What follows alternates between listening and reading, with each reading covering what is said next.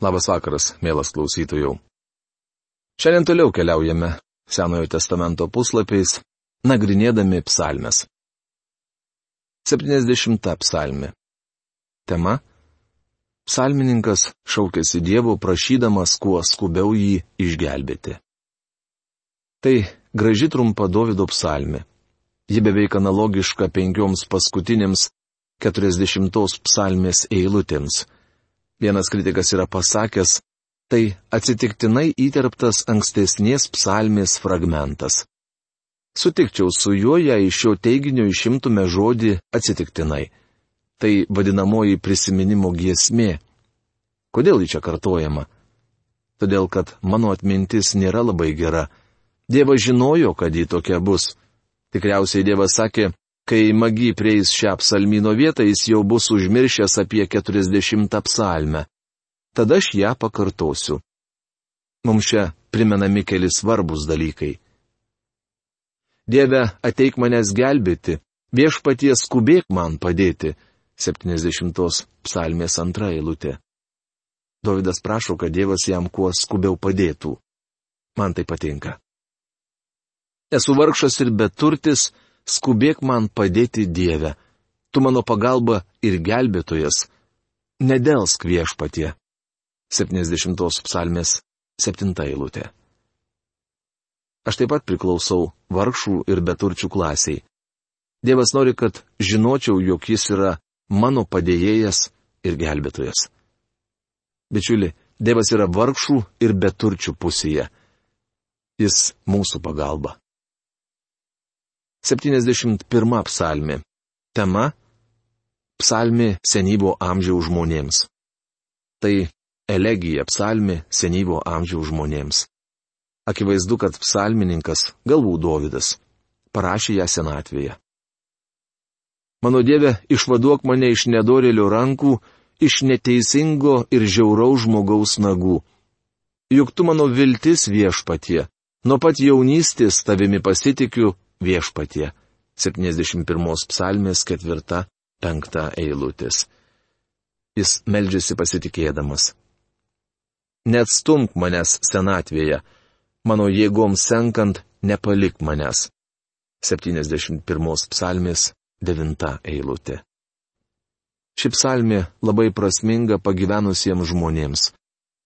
Pastebėjau, kad dabar ji man reiškia daugiau negu prieš 20 metų o aš visada turėsiu vilties ir nuolat didinsiu tavo šlovę. Mano lūpos pasakos tavo teisius darbus, visada kalbėsiu apie tavo išgelbėjimą, nors ir nepajėgsiu jų apsakyti. Ateisiu šlovindamas didžius viešpaties dievų darbus, minėsiu vien tavo gerumą. 71 psalmės 14-16 eilutės. Toliau paminėtas dar vienas aiškus senatvės požymis. Tad nepalik manęs, Dieve net žilos senatvės sulaukusio, būk su manimi, kol skelbiu tavo galybę visoms busimoms kartoms. 71 psalmės 18 eilutė. Bičiuli, jei esate sulaukę senyvo amžiaus, leiskite duoti jums patarimą. Nesėdėkite ištisas dienas su pamojoje kėdėje užsidaręs kokiame nors kamputyje. Dievas jūsų nepaliko ir ne šiaip savo laiko jūs šioje žemėje iki pat mirties. Aš dažnai melžiuosi, viešpatie neleisk man užsisėdėti su pamojoje kėdėje. Man patinka suptis kėdėje. Daugelis mano draugų žino tai ir pasodina mane ją kas kart, kai atvykstu jų aplankyti. Man patinka sėdėti su pamojoje kėdėje, tačiau nenoriu joje užsnūsti. Noriu būti naudingas viešpačiui iki paskutinės savo gyvenimo dienos. Ir aš šlovinsiu tave arfa dėl tavo ištikimybės mano Dieve, skambinsiu tau šlovės giesmę lyra, Izraelio šventasis. Kai gėdosiu šlovės giesmę tau, džiūgaus mano lūpos ir visa mano gyvastis, kurią tu atpirkai. 71 psalmės 22-23 eilutės. Sendami nesiskūskime dėl savo skausmų ir maudulių, bet džiūgaukime viešpatyje ir gėdokime jam šlovės giesmes. Per visą dieną mano ležuvis pasakos, apie tavo teisumą, kaip ieškojusieji mano žuties, buvo nugalėti ir sugėdinti. 71 psalmės 24 eilutė. Gera prisiminti Dievo gerumą. Psalmininkas sako, per visą dieną mano liežuvis pasakos apie tavo teisumą. Tai nuostabi pagyvenusių žmonių psalmė. 72 psalmė. Tema - Karaliaus ir karalystės ateimas. Tai vadinamoji Saliamono psalmė. Kritikai mano, kad ją parašė Saliamonas, tačiau aš tuo netikiu, mat paskutinėje eilutėje sakoma, čia baigėsi Jesės sunaus Dovido maldos. Tai Dovido psalmė, kurią jis parašė savo sūnui Saliamonui. Šiuo skyriumi baigėsi psalmino dalis, kurią mes pavadinome išeimo knygos dalimi. Išeimo knygos pabaigoje padangtė pripildo viešpatie šlovė. Šioje psalmėje matome patį mesiją sugrįžtantį įsteigti žemėje savo šlovingos karalystės. Atkreipkite dėmesį, kad jis yra teisus Dievas. Dieve, suteik savo teisingumo karaliui ir teisumo karaliaus sūnui, kad teistų tavo tautą teisingai ir tavo skriaudžiamuosius teisiai. Te teikia kalnai gerovę tautai, te patiria kalvos teisumo atlygį. 72 psalmės 1-3 eilutis. O septintoje šios psalmės eilutėje skaitome Jo dienomis žydės teisumas ir visuotinė taika, kol nebeliks mėnulio. Man dar neteko matyti politiko, kuris savo programą būtų grindęs teisumu. Vieną dieną viešpats Jėzus valdys žemę teisiai ir teisingai. Šioje psalmėje aprašoma jo šlovinga karalystė. Te būna amžinas karaliaus vardas, te tveria jo vardas taip ilgai kaip saulė. Te būna jo palaiminti visi žmonės, te skelbia jį laimingų visos tautos. Garbinkite viešpati Izraelio Dievą, tik jis vienas daro nuostabius darbus. Garbinkite jo šlovingą vardą per amžius, jo garbė pripildo visą pasaulį. Amen, amen. 72 psalmės 17-19 eilutės. Matyt, Dievas leido Dovydui regėjime pamatyti būsimąją karalystę ir Kristaus karaliavimą jo šlovės kupinoje žemėje. Jis buvo prašęs to savo maldose, todėl dabar sako, čia baigėsi Jesis sunaus Davido maldos. 72 psalmės 20 eilutė. Davidas sako, mano maldos pasibaigė, aš liaujuosi meldęsis. Tai, ko meldė Davidas, įsipildys. Jam nebebuvo daugiau ko prašyti. Kunigų knygos dalis tamsybė ir aušra. Matome šventyklą. Nuo 73 iki 89 psalmės. Kaip jau minėjau pradžioje, psalmyną mes skirstome pagal penkia knygą. Pradžios knygos dalis baigėsi 41 psalme, o nuo 42 prasideda išeimo knygos dalis. Ji tęsiasi iki 72 psalmės. 73 psalme prasideda kunigų knygos dalis. Ši dalis susijusi su kunigų knyga, mat joje net 73 psalmėje daug dėmesio skiriama šventyklai. Matote, kunigų knygoje buvo aprašytas Dievo garbinimas padangtėje, o vėliau ir šventykloje. Tai viena iš nuostabiausių Biblijos knygų. Prieėję kunigų knygos dalį psalminę matome, kad čia išskirtinis dėmesys skiriamas šventyklai, ypač dviem Dievo namų aspektams. Kunigų knygoje pabrėžiami du dalykai - kad Dievas yra šventas ir kad be kraujo praleimo nėra nuodėmių atleidimo. Šios knygos raktas - žodžiai šventumas ir auka. Šie du žodžiai bus svarbiausi ir šioje psalmino dalyje. 73 psalmi. Tema - sumaištis dėl klėstėjimo. Šioje psalmino dalyje yra daug nuostabių psalmių. Pirmoji parašyta Asafo, Asafas kaip ir Dovydas buvo muzikantas. Jis parašė pirmasias dešimčios dalies psalmių nuo 73 iki 83. Iš tikrųjų Dievas geras doriesiems, kurių širdis tyra. 73 psalmės pirmą eilutė. Profesoriaus Algirdo Jurieno, kaip beje ir Kosto burbulio Biblijos vertime sakoma, tikrai Dievas geras Izraeliui tiems, kurių širdis tyra. Mūsų dėmesį iš karto patraukia žodžiai Dievas geras Izraeliui. Ar tai reiškia, kad jis geras kiekvienam Izraelitui? Ne. Jo gerumas parodomas tiems, kurių širdis tyra. O kas tie tyra širdžiai? Ogi tie, kurie atėjo pas jį su savo atnašomis. Tie, kurie trokšta tarnauti Dievui ir gyventi su juo. Bičiuli, jei esate išgelbėtas, trokšite gyventi bendrystėje su Dievu. Norėsite turėti tyrą širdį. Tai aišku kaip diena. Negalite ateiti pas Kristų priimti kaip savo gelbėtoje ir gyventi po senoviai. Jei taip darote, aš labai abejoju, ar buvote išgelbėtas. Manau, tokio paaiškinimo, tokios nuostatos šiandien turėtume laikytis atkakliau. Mes galime ateiti pas Dievą dėl to, kad Jis mus apvalė. Priėmė Kristų, gauname nuodėmio atleidimą mes nuplaunami apvalančių vandeniu per Dievo žodį. Taigi nuplauti Kristaus krauju, dar esame apvalomi per žodį. Dievo žodis pašventina mus ir tuomet mes trokštame, kad mūsų gyvenimas patiktų jam. Asafui, kuris būdamas Dievo akivaizdoje sako, Dievas geras Izraeliui, iškilo opus klausimas. Galbūt tas pats klausimas kirba ir jūsų galvoje man jis dažnai neduoda ramybės. O klausimas štai koks. Kodėl Dievas leidžia klestėti nedoriliams? Kodėl Dievo žmonės regis kenčia nepalyginamai daugiau? Kai tarnavau pastoriumi, šis klausimas man dažnai neduodavo ramybės. Mačiau, kaip Dievo žmonės susiduria su įvairiausiais išmėginimais ir kentėjimais.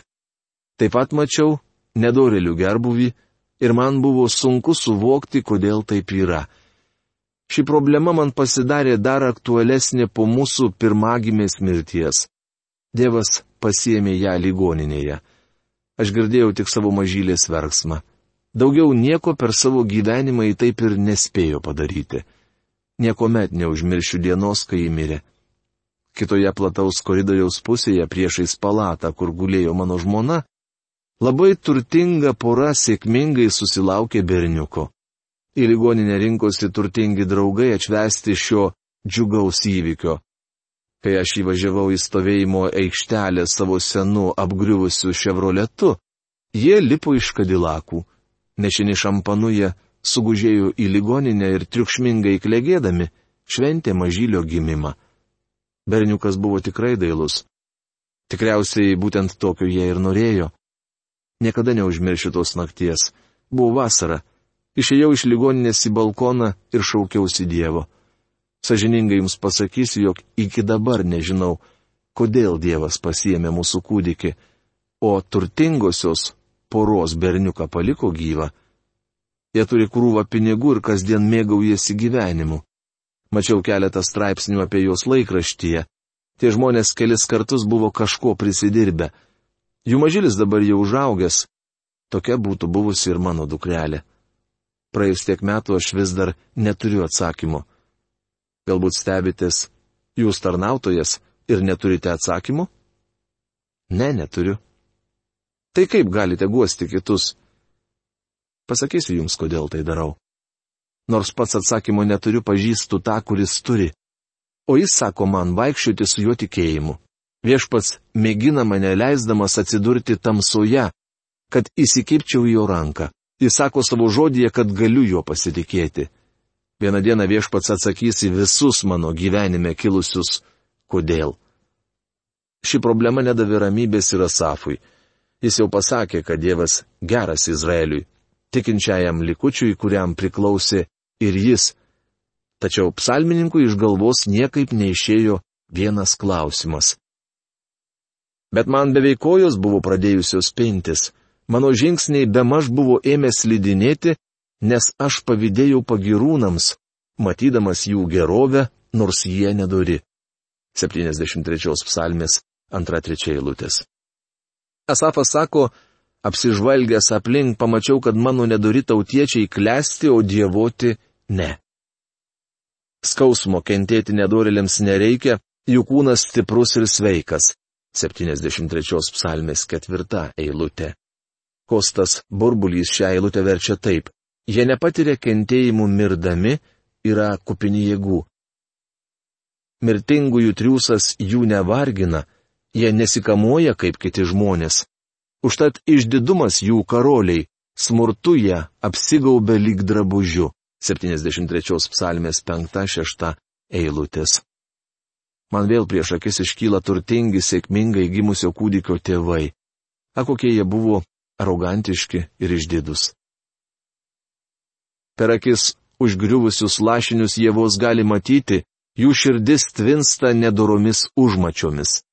73 psalmė 7 eilutė tie žmonės turi viską. Tačiau nemanau, kad savo gyvenime jie patyrė daugiau džiaugsmo už mane. Mat, kai aš nusipirkdavau kokį naują daiktą, jis suteikdavo man daug džiaugsmo. O jie net nežinojo, ką reiškia džiaugtis įsigijus naują daiktą, nes buvo visko pertekę. Per akis užgriuvusius lašinius. Aš nesusimastydavau apie tai, kol nepradėjau studijuoti šios psalmės. Minėtosios turtingos poros pakiai buvo paburkę nuo naktinių pokelių ir girtoklyščių. Mažylio motina būtų buvusi graži, jei jos veido nebūtų bjaurojusios palaido gyvenimo žymės. Jie šaiposi ir kalba piktą, įžuliai grasina kitus enkti. 73 psalmės 8 eilutė. Tie žmonės trypia vargšus, jie primygtinai reikalauja, kad mūsų vaikai lankytų integruotas mokyklas, tačiau patys savo atžalų jas neleidžia. Visi kiti privalo laikytis įstatymų, bet jie kažkokiu būdu nuo to atleidžiami. Matant tai, gali apimti kartėlis. Prieš dangų jie burnoja, o žemėje jų liežuvis įžuliai įsakinėja. 73 psalmės 9 eilutė. Tik paklausykite, ką tie piniguočiai šiandien kalba per televiziją. Tai jie užsako muziką. Žemėje jų liežuvis įžuliai sakiniai arba, kaip verčia profesorius Algirdas Jurienas, jų liežuvis išdidžiai vaikščioja po žemę. Labiausiai tam pasitarnauja televizija. Todėl net Dievo tautai juos grežiasi ir noromis tiki, ką jie sako. 73 psalmės 10 eilutė. Dievo žmonės varomi į kapus, didinant mokesčių naštą. Žinome, kad kai kurie turtuoliai iš viso nemoka jokių mokesčių. Jie puikiai moka išsukti savo uodegą. Tada sakoma, kaip gali Dievas žinoti? Ir aukščiausiasis nesužinos, ką darome. 73 psalmės 11 eilutė. Jie nesidomi Dievu ir negalvoja, kad jis viską apie juos žino. Tad tokie yra nedoriliai, visuomet berūpeščių kaupiantys turtus. 73 psalmės 12 eilutė. Ar jūsų tai niekiek nejaudina? Man šis faktas dažnai neduoda ramybės.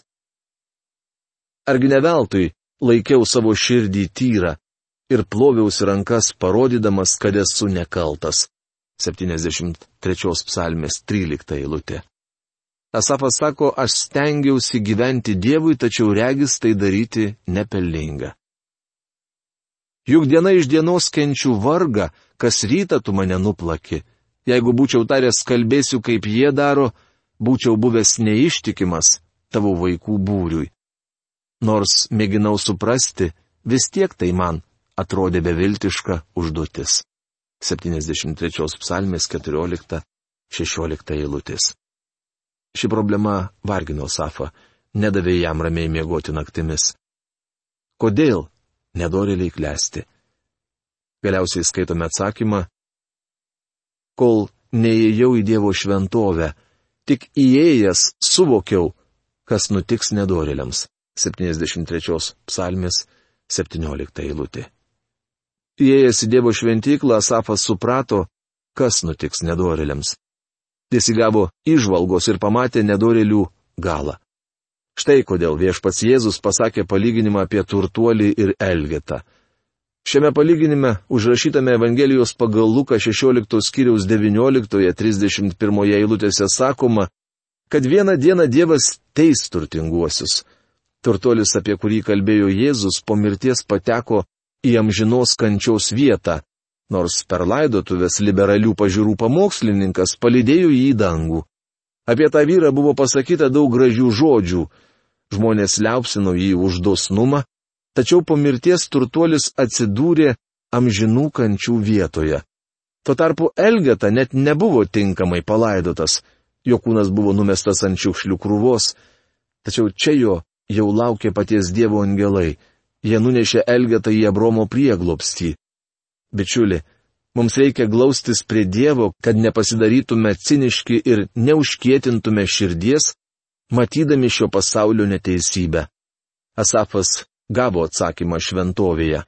Aš nežinau atsakymo į jūsų klausimą, nes negaliu atsakyti į savąjį, tačiau pažįstu tą, kuris žino visus atsakymus.